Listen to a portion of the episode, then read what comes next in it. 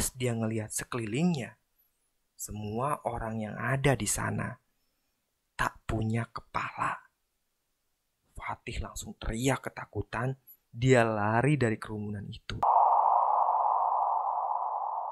Selamat datang kembali di channel Sarang Demit dengan saya Mbah Rory.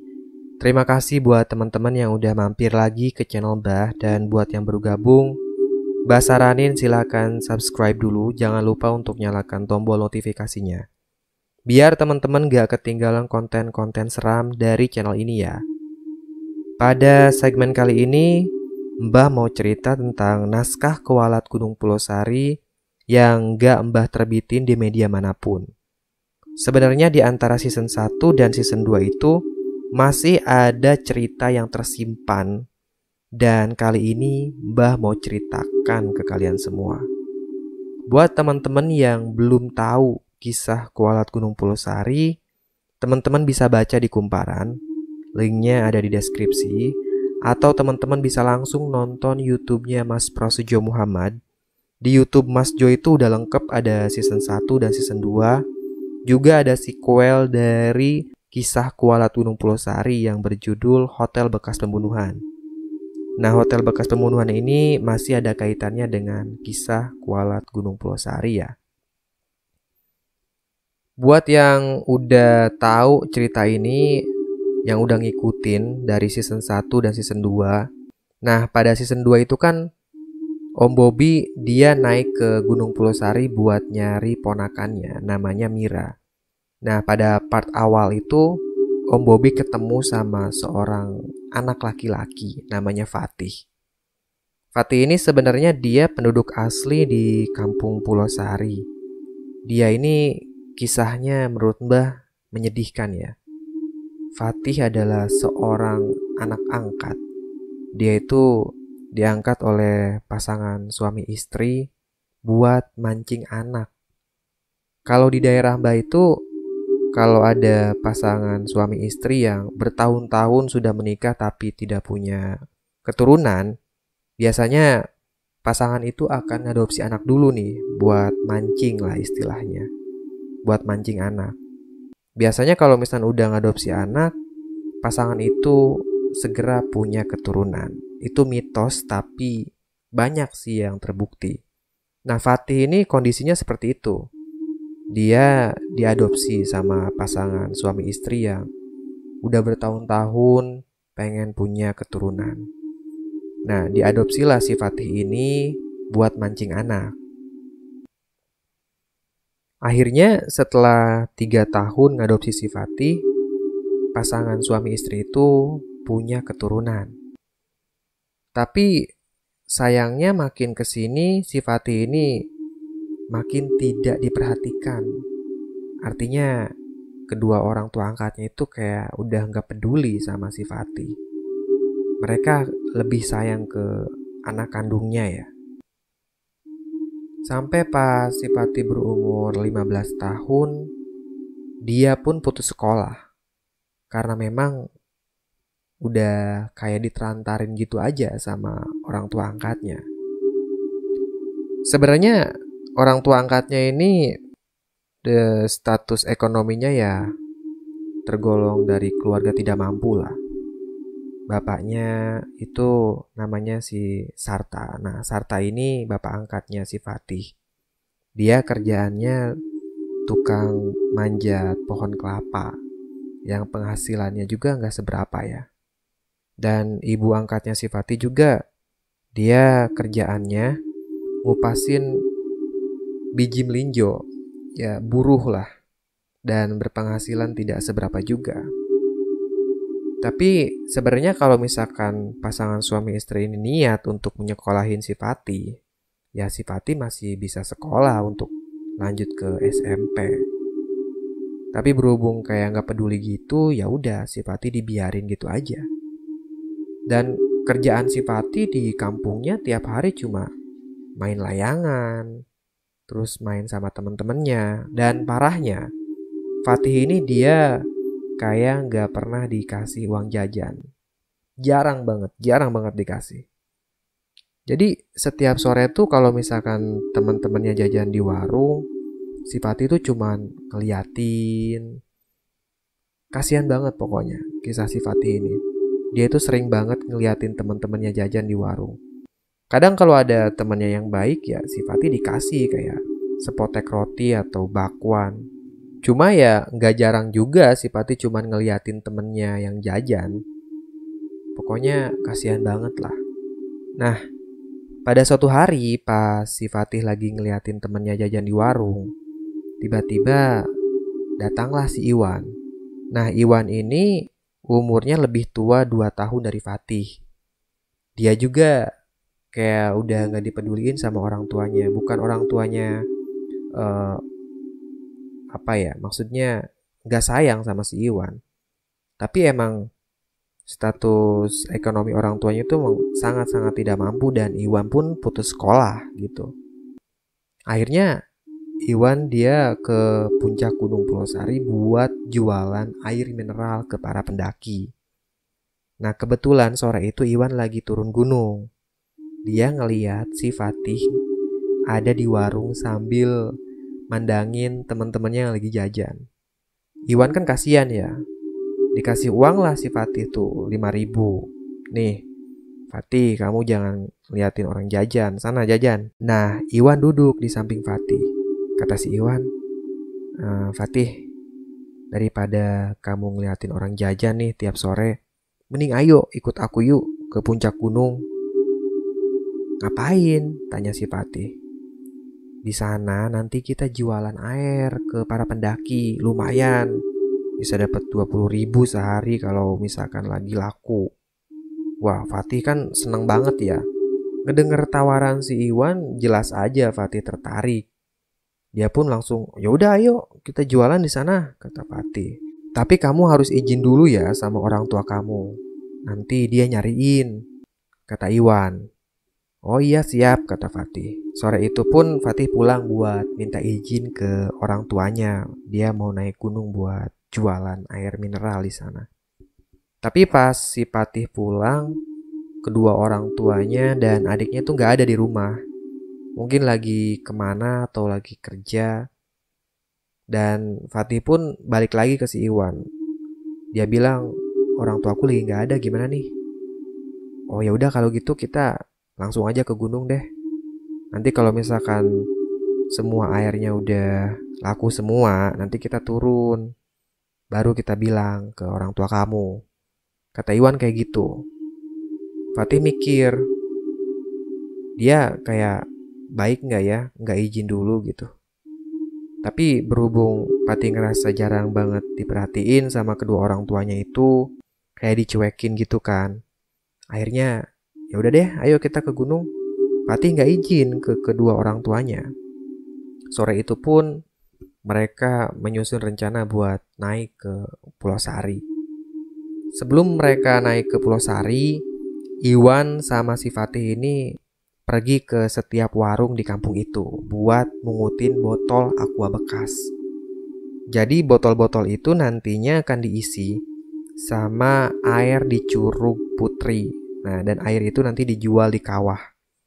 Jadi kalau teman-teman itu ke Gunung Pulau Sari, kita itu berkemahnya deket sama kawah. Nggak bahaya sih asal jangan deket-deket aja. Nah, lanjut cerita ya. Fatih dan Iwan mengutin botol di setiap warung buat dibawa ke puncak Gunung Pulau Sari. Setelah beberapa saat, karung mereka itu hampir penuh. Kira-kira udah mau setengah lah ya. Setengah penuh. Kata Iwan kayak gini. Udah nih udah cukup botolnya. Nanti kita isi di Curug Putri. Dan mereka pun sore itu tepatnya jam 5 sore langsung naik ke Gunung Pulau Sari. Iwan yang bawa botol-botol itu pakai karung, soalnya kasihan sama si Fatih yang masih kecil kan. Mereka naik ke gunung, tapi pas ngelewatin perkebunan warga, tepatnya itu kebun pisang ya. Si Fatih sama Iwan ini ketemu sama nenek-nenek yang emang terkenal orang gila di kampung itu. Nenek-nenek itu emang suka ada di jalur pendakian. Nenek itu bilang ke si Fatih sambil senyum. Mau ke mana cu? Terus si Fatih jawab kan, ke gunung nek. Kata Iwan, hus jangan dijawab, dia kan orang gila. Mereka pun lewatin gitu aja. Terus si nenek bilang kayak gini, jangan naik gunung, bakal ada musibah di gunung. Gitu kata si neneknya. Nah, Fatih ngelirik kan ke belakang. Emang ada musibah apa? Tanya Fatih. Kata Iwan, ih udah jangan diladenin, dia itu orang gila. Ayo cepet jalan, nanti kemalaman. Iwan kayak marah gitu kan. Si Fatih udah gak enak perasaan ya dia kayak gimana gitu. Soalnya udah diperingatin buat jangan naik gunung bakal ada musibah. Tapi musibah apa? Berhubung udah tanggung naik gunung, Fatih pun ngelanjutin perjalanan itu. Sesekali dia ketemu sama para pendaki yang mau naik ke puncak Gunung Pulau Sari. Nah, dan beberapa saat kemudian, akhirnya mereka sampai di Curug Putri. Karung yang dibawa Iwan itu disembunyiin di semak-semak. Mereka cuma bawa 5 buah botol terus diisi di Curug Putri dan masing-masing dari mereka bawa 5 botol. Dan botol-botol itu diikat pakai tali rafia ya. Terus diikat lagi ke sebuah tongkat. Terus cara bawanya dipanggul gitu. Jadi lima botol dipanggul di belakang. Mereka pun udah beres ngisi air. Mereka naik ke puncak. Dia menuju ke kawah buat jualan. Lepas maghrib, mereka pun jualan di kawah lumayan lah laku Fatih laku 3 botol, Iwan laku 4 botol. Jam 11 malam, dagangan Fatih sama Iwan habis. Mereka pergi ke saung buat tidur. Saung itu kalau siang dipakai buat jualan dan si penjualnya ini masih warga kampung Pulau Sari. Kalau sore, si penjual itu turun gunung buat pulang. Nah, malamnya biasanya dipakai buat tidur si Iwan. Iwan ngajak si Pati buat tidur di saung itu. Sayangnya, tengah malam Fatih nggak bisa tidur. Dia insomnia, sedangkan Iwan udah tidur dengan pulas. Tepat jam 12 malam. Tiba-tiba aja Fatih ngeliat seorang anak laki-laki berdiri di atas batu besar. Anak itu umurnya sama kayak si Fatih. Dia nengteng botol air mineral dan ngeliatin si Fatih aja. Fatih bingung, itu siapa ya? Buru-buru si Fatih ngambil senter dari kantongnya si Iwan. Fatih nyorotin tuh senter ke wajahnya anak laki-laki itu. Dan pas Fatih lihat, wajahnya itu asing banget. Fatih belum pernah ngeliat wajah anak laki-laki itu di kampung Pulau Sari. Siapa ya itu? Tanya Fatih dalam hatinya. Tiba-tiba anak itu turun dari batu. Dia ngampirin si Fatih. Terus dia berkata pada si Fatih sambil senyum. Ikut aku yuk, kata anak laki-laki itu. Ke mana? Tanya Fatih. Tuh, di sana ada yang lagi pesta. Rame banget. Terus ada makanan gratis. Enak-enak lagi makanannya kata anak itu. Fatih mengerutkan dahi. Ini siapa tiba-tiba ngajak ke pesta? Dan siapa pula yang ngadain pesta jam 12 malam kayak gini? Pesta apa? Tanya Fatih. Kayaknya pesta nikahan deh. Soalnya rame banget. Emang kamu siapa? Tanya Fatih. Oh kenalin, aku Rido. Anak itu ngedekat ke si Fatih. Fatih lalu ngejabat tangannya. Aku Fatih. Ayo mending ikut sama aku. Kata Rido. Nanti ya, aku ngebangunin Iwan dulu. Udah jangan dibangunin dia, kamu aja. Aku cuma ngajak kamu. Aku malas kalau ngajak dia, soalnya aku kenal nih sama dia. Dia itu orang gak baik, kata Rido. Aku gak bisa pergi tanpa Iwan. Percaya sama aku, kita sebentar doang di sana ada pesta. Nanti kalau udah makan, nanti kamu aku antar lagi ke sini. Awalnya Fatih ragu, tapi lama-lama dia akhirnya nerima ajakan si Rido. Mereka berdua pergi ke pesta itu. Jalan ke arah barat dan itu bukan jalan setapak ya. Itu kayak semak belukar dan jalannya gak pernah dilalui sama manusia. Rido harus nyingkirin semak belukar yang ngalangin jalan. Fatih ngikutin dari belakang. Nah, gak lama kemudian Fatih ngedenger sayup-sayup suara sound system dan itu suara dangdut. Ramai banget. Dari kejauhan juga dia ngeliat kayak cahaya yang berkilapan. Memang seperti ada pesta. Dan pas Fatih nyingkirin semak belukar, di situ dia ngeliat ada pesta yang ramai banget. Ada panggung di sana, itu panggung organ tunggal. Dua biduan lagi goyang. Pakaiannya juga seksi. Mereka nyanyi dangdut sambil keringetan. Dua biduan itu juga disawer sama lima orang laki-laki. Mereka nyawer biduan itu pakai uang seratus ribuan. Di bawah panggung juga nggak kalah rame. Orang-orang pada asik goyang, rata-rata cowok semua di sana. Terus di samping panggungnya itu ada kayak meja. Meja yang diampar pakai kain batik atau biasa kita sebut kain jarik ya. Nah, di atas meja itu tersedia hidangan, nasi kuning, makanan, buah-buahan. Kata Rido kayak gini, tuh, itu kan ada makanan ya Fatih. Kamu makan sepuasnya di sana. Enak banget. Aku tadi udah makan dan itu semua gratis. Kata Rido. Hah, yang bener? Fatih senyum kan? Iya, ayo aku anter. Nah, si Rido nganter si Fatih ke meja itu. Langsung si Fatih ngambil daun. Soalnya anehnya itu di hidangan itu nggak ada piring. Adanya daun pisang. Fatih ngambil daun, terus dia ngambil nasi kuning sama telur. Fatih makan dengan lahap. Dan beres makan, Rido bilang gini, nanti kita masuk ke kerumunan itu ya. Kita goyang bareng. Pas Fatih udah selesai makan, tangan si Fatih ini ditarik paksa oleh si Rido untuk masuk ke kerumunan orang-orang yang lagi joget. Di sana, si Rido ikut joget, tapi si Fatih enggak. Dia kayak canggung dan gak pernah ikut-ikutan joget di pesta dangdut kayak gini. Sebenarnya si Fatih ini penasaran siapa sih orang yang ngadain pesta tengah malam kayak gini dan pestanya di hutan pula. Gak lama kemudian, si pembawa acara mengambil alih mic dan dia ngomong di panggung. Kata pembawa acara itu, Hai teman-teman semua, selamat malam. Aku punya kabar gembira buat kalian. Nanti si pengantin akan naik ke panggung dan nyanyi bersama kita.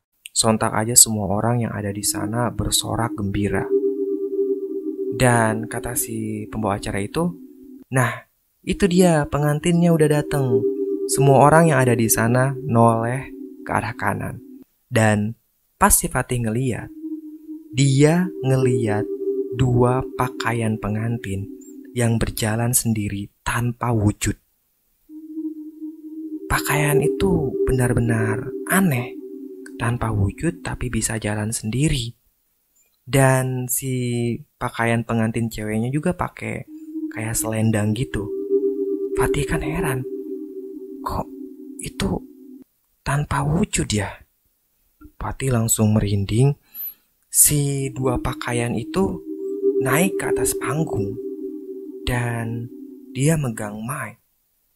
Masih tanpa wujud. Tiba-tiba aja ada suara yang nyanyi. Fatih benar-benar takut dia nyari si Rido.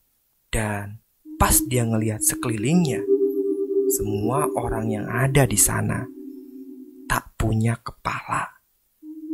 Fatih langsung teriak ketakutan, dia lari dari kerumunan itu. Sesekali dia noleh ke belakang buat nyari si Rido. Soalnya Fatih ini sempat lupa ke mana jalan untuk menuju kawah. Tapi si Rido udah gak ada. Nah, dan pas si Fatih lari tergesa-gesa, dia kayak ngedenger suara Rido yang manggil-manggil dia. Ke sini Fatih, ha ke sini, ke sini Fatih. Dan si Fatih ng ngikutin suara itu. Dan untungnya si Fatih bisa nemuin jalan untuk ke kawah.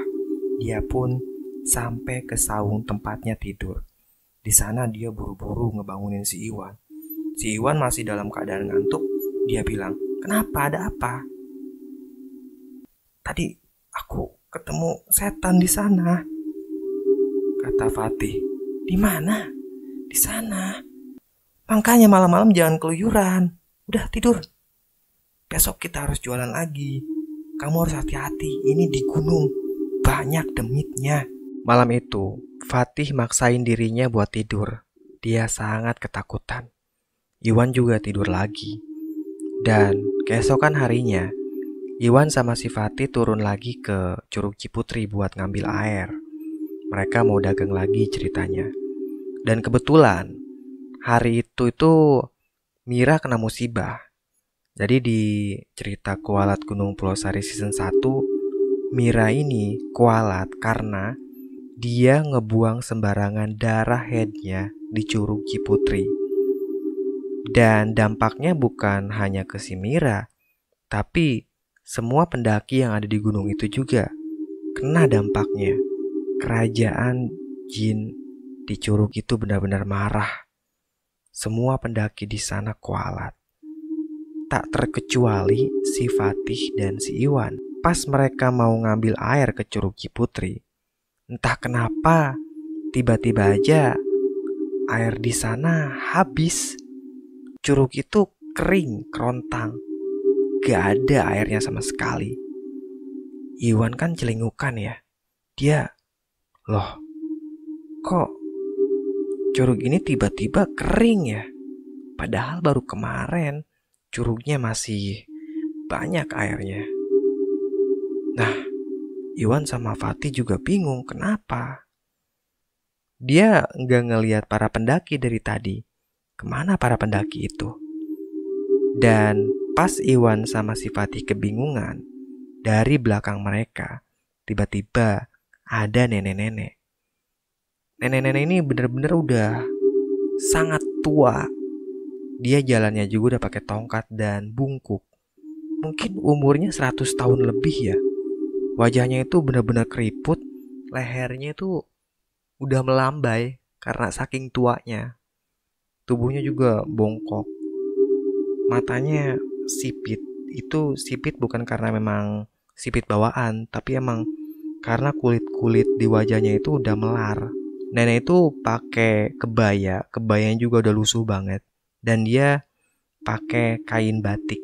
Dan si nenek itu juga nggak pakai sendal, dia nyeker. Si nenek bilang ke Iwan sama si Fatih, Kalian lagi mau ngambil air ya? Tanya nenek itu. Iya nek, kok ini tiba-tiba curug putri kering ya? Kata Iwan. Iya, curug ini emang udah kering. Tapi kalau kalian mau ngambil air, tuh di sana ada sumur, banyak banget airnya. Kata nenek itu. Iwan sama Fatih saling tatap. Soalnya jujur, si Iwan udah lama jualan di gunung ini, tapi dia belum pernah ngedenger ada sumber mata air selain Curug Ciputri. Yang bener, Nek? Tanya Iwan. Iya, kalau mau ayo ikut denganku, kata nenek itu. Dan Fatih sama Iwan ikut sama nenek itu mereka masuk ke jalan setapak. Dan anehnya Iwan gak pernah lihat kalau emang ada jalan setapak di sana. Padahal Iwan udah tahu betul jalan-jalan di Gunung Pulau Sari ini. Dan dia baru ngeliat ada juga jalan setapak yang ngarah ke barat. Mereka jalan ngikutin si nenek dari belakang. Si nenek ini jalannya bener-bener pelan kayak emang dia udah kayak nggak mampu buat jalan. Tapi Iwan sama Fatih benar-benar sabar. Untungnya jaraknya nggak jauh. Dari Curug Ciputri itu kira-kira cuma 10 menit lah jalan kaki. Nah, pas sampai di sumur itu, Iwan sama si Fatih ngeliat ada yang aneh. Mereka ngeliat banyak banget balita yang telanjang badan di sumur itu. Balita-balita itu duduk dan main air. Mereka ketawa-tawa. Sebagian dari mereka udah punya gigi dan sebagian lagi masih ompong. Tapi para balita itu kelihatan sangat bahagia. Jumlahnya juga nggak sedikit. Kalau Fatih hitung tuh mungkin lebih dari 20 balita. Aneh banget. Ini anak-anaknya siapa ya? Iwan langsung nanya, Nek, kok banyak bayi sih di sini? Tanya Iwan. Iya, itu cucu-cucuku, kata nenek itu. Tapi si Fatih udah mulai merinding nih. Dia curiga, wah dalam hati Fatih kayaknya ada yang gak beres. Soalnya kan semalam si Fatih ngalami hal gaib juga kan. Jadi dia masih trauma. Iwan sama Fatih langsung ngisi botolnya di sumur itu. Setelah beres ngisi, tiba-tiba aja hujan deras. Hujan turun. Kata si nenek itu, lebih baik kalian semua berteduh dulu tuh di saung nenek. Si nenek itu nunjuk ke arah timur. Di sana ada saung. Itu bukan kayak saung sih. Dia kayak rumah panggung, cuma udah rombeng banget. Nah, Fatih bilang ke si nenek, Nek, ini kan hujan. Ini bayi-bayinya gak mau dimasukin ke rumah. Tanya si Fatih. Mereka udah biasa hujan-hujanan. Biarin. Nanti juga nenek urus. Lebih baik kalian masuk dulu ke saung nenek. Gitu kata si neneknya. Akhirnya Iwan sama Fatih masuklah ke saung si nenek itu. Saungnya sangat sederhana. Di dalam saung itu kayak nggak ada apa-apa. Kosong melompong. Cuma ada dapur yang ada tungkunya. Di samping tungku itu banyak kayu bakar yang berjajar rapi. Nenek udah siapin makanan nih, kebetulan banyak banget makanan. Kata nenek itu. Fatih sama Iwan seneng kan karena kebetulan mereka belum sarapan. Si nenek itu ngasih sarapan nasi uduk dan telur. Mereka makan dengan lahap sambil nunggu hujan deras. Nah, dan pas si Fatih noleh ke si nenek, nenek itu aneh banget. Dia ngeliatin orang yang lagi makan sambil senyum. Begini. Nah, Fatih kan gak enak ya diliatin kayak gitu dan dia langsung merinding. Terus dia noel si Iwan. Wan, lihat ya neneknya. Pas Iwan oleh ke si nenek, apa yang dilihat si Fatih dan si Iwan ini beda. Kalau si Fatih ngeliat si nenek itu masih dalam wujud nenek-nenek, tapi tingkahnya aneh. Ngeliatin Fatih sambil tersenyum. Tapi lain halnya dengan si Iwan. Si Iwan ini ngeliatnya nenek itu udah berubah wujud. Wajahnya biru, matanya merah, dan rambutnya putih semua. Wah, Iwan teriak. Makanan yang ada di hadapannya ketendang gak sengaja. Kamu kenapa, Wan? Tanya si Fatih. Nenek, nenek itu, nenek itu. Langsung kan, si Iwan lari keluar dari gubuk itu. Mereka menjauh dari si nenek itu. Iwan dan Fatih gak tahu harus lari ke mana. Mereka lari tanpa arah. Dan di tengah-tengah perjalanan, Fatih ngeliat ada rombongan para pendaki yang berjalan. Mereka itu berbaris dan menuju ke sebuah tempat. Fatih tanya ke Iwan. Wan, mereka mau ke mana? Tanya Fatih. Gak tahu, tapi ayo ikuti mereka. Kata Iwan. Fatih pun menurut aja. Mereka mengikuti para pendaki itu. Dan gak lama kemudian, Akhirnya mereka sampai di sebuah tempat. Itu kayak lahan, lapangan yang kosong, tidak ada pohon-pohon di sana. Para pendaki itu berdiri di tengah-tengah lahan tersebut. Mungkin ada 15 pendaki. Mereka semua mendongak ke langit seperti sedang menunggu seseorang. Tiba-tiba aja muncul sesosok wanita yang berpakaian seperti ratu kerajaan Wanita itu berdiri di atas batu. Dia menatap para pendaki, dan gak lama kemudian wanita itu mengacungkan tangannya. Satu persatu, para pendaki menghampiri wanita misterius itu, dan mereka pun hilang begitu aja. Mungkin para pendaki itu dibawa ke alam gaib. Fatih dan Iwan ketakutan, dan mereka lari menjauh dari lahan itu. Gak lama kemudian, Fatih tiba-tiba berhenti karena di semak-semak dia ngeliat kedua sosok orang tua angkatnya sedang berdiri di sana. Iwan heran, Fatih, kenapa berhenti? Ayo lari. Fatih bilang ke si Iwan, Wan, ada orang tuaku. Kata Fatih, di mana? Itu di sana. Tunjuk si Fatih ke semak-semak. Iwan pun ngedatengin si Fatih dan dia lihat memang ada sosok yang menyerupai kedua orang tuanya. Tapi si Iwan ini curiga, jangan-jangan sosok itu demit bukan orang tua si Fatih. Fatih, hati-hati, takutnya itu bukan orang tua kamu, kata Iwan. Itu pasti orang tuaku. Aku kan gak izin perginya. Mereka pasti nyariin aku, Wan, kata Fatih. Fatih pun perlahan menghampiri sosok itu. Iwan sempat megang tangannya, ngelarang si Fatih, tapi Fatih udah kayak kehipnotis. Kedua sosok yang menyerupai orang tua angkatnya Fatih tersenyum pada si Fatih. Mereka pun membawa anak itu masuk ke tengah hutan. Nah, Iwan kan bingung. Dia mau ngapain ya? Soalnya kalau dia pergi sendirian, Iwan takut. Akhirnya, Iwan ngikutin Fatih dari belakang.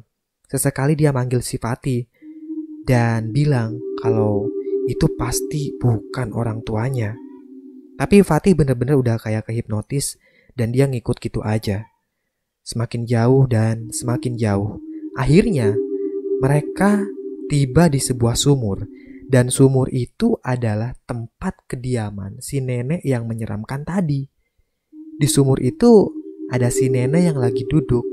Nenek itu nyanyi pakai bahasa Jawa. Nyinden gitu. Dan Iwan bener-bener merinding. Iwan gak berani ngedeket ke nenek itu. Tapi si Fatih dianterin sama sosok yang menyerupai kedua orang tuanya dan diberikan ke si nenek tua itu. Iwan bener-bener ketakutan dia ngintip dari balik pohon. Si Fatih tiba-tiba ngebuka bajunya dan celananya. Fatih pun bugil. Dia berdiri di hadapan nenek itu.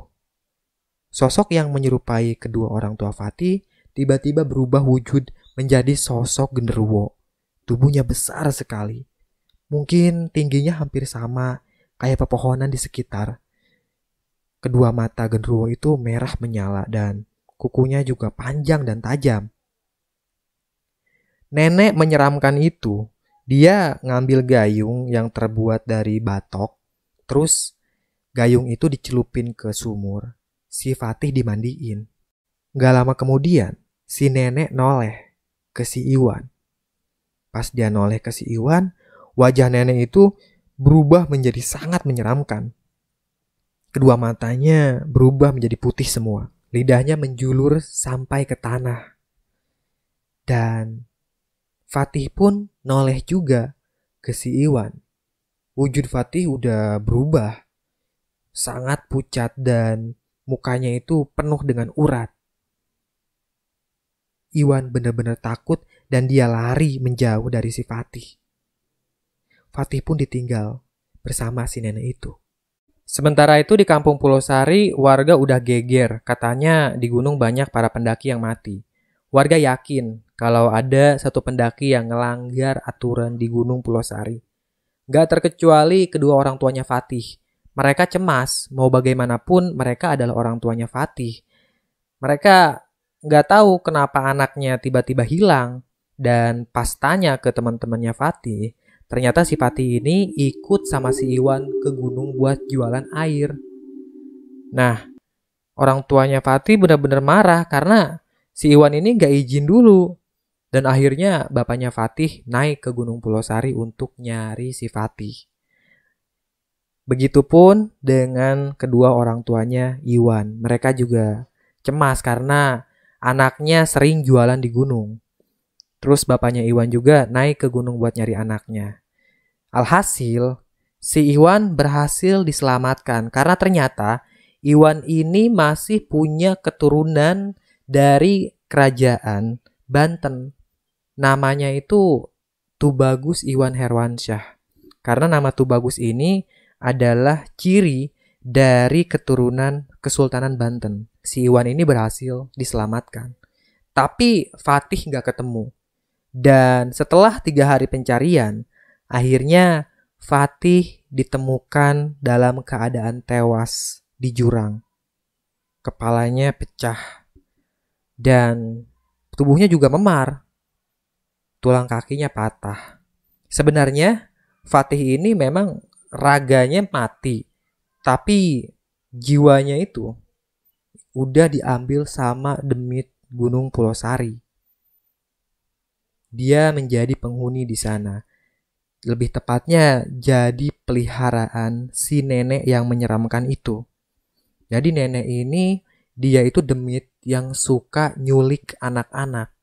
Berhubung si Iwan ini keturunan kerajaan Banten, demit yang ada di sana itu nggak mau menumbalkan Iwan atau mereka nggak mau nyentuh si Iwan karena mereka takut dengan keturunan sultan.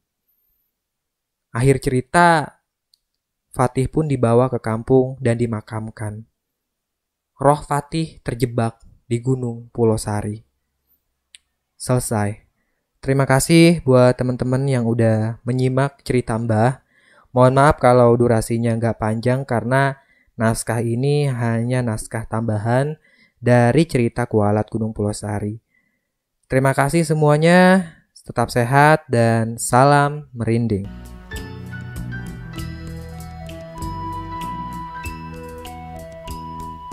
Di wajahmu kulihat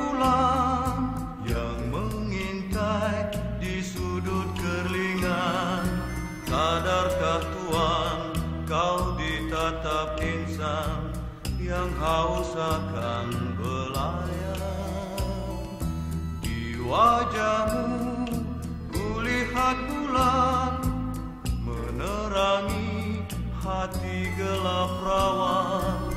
Biarlah aku mencari naungan di wajah damai rupawan.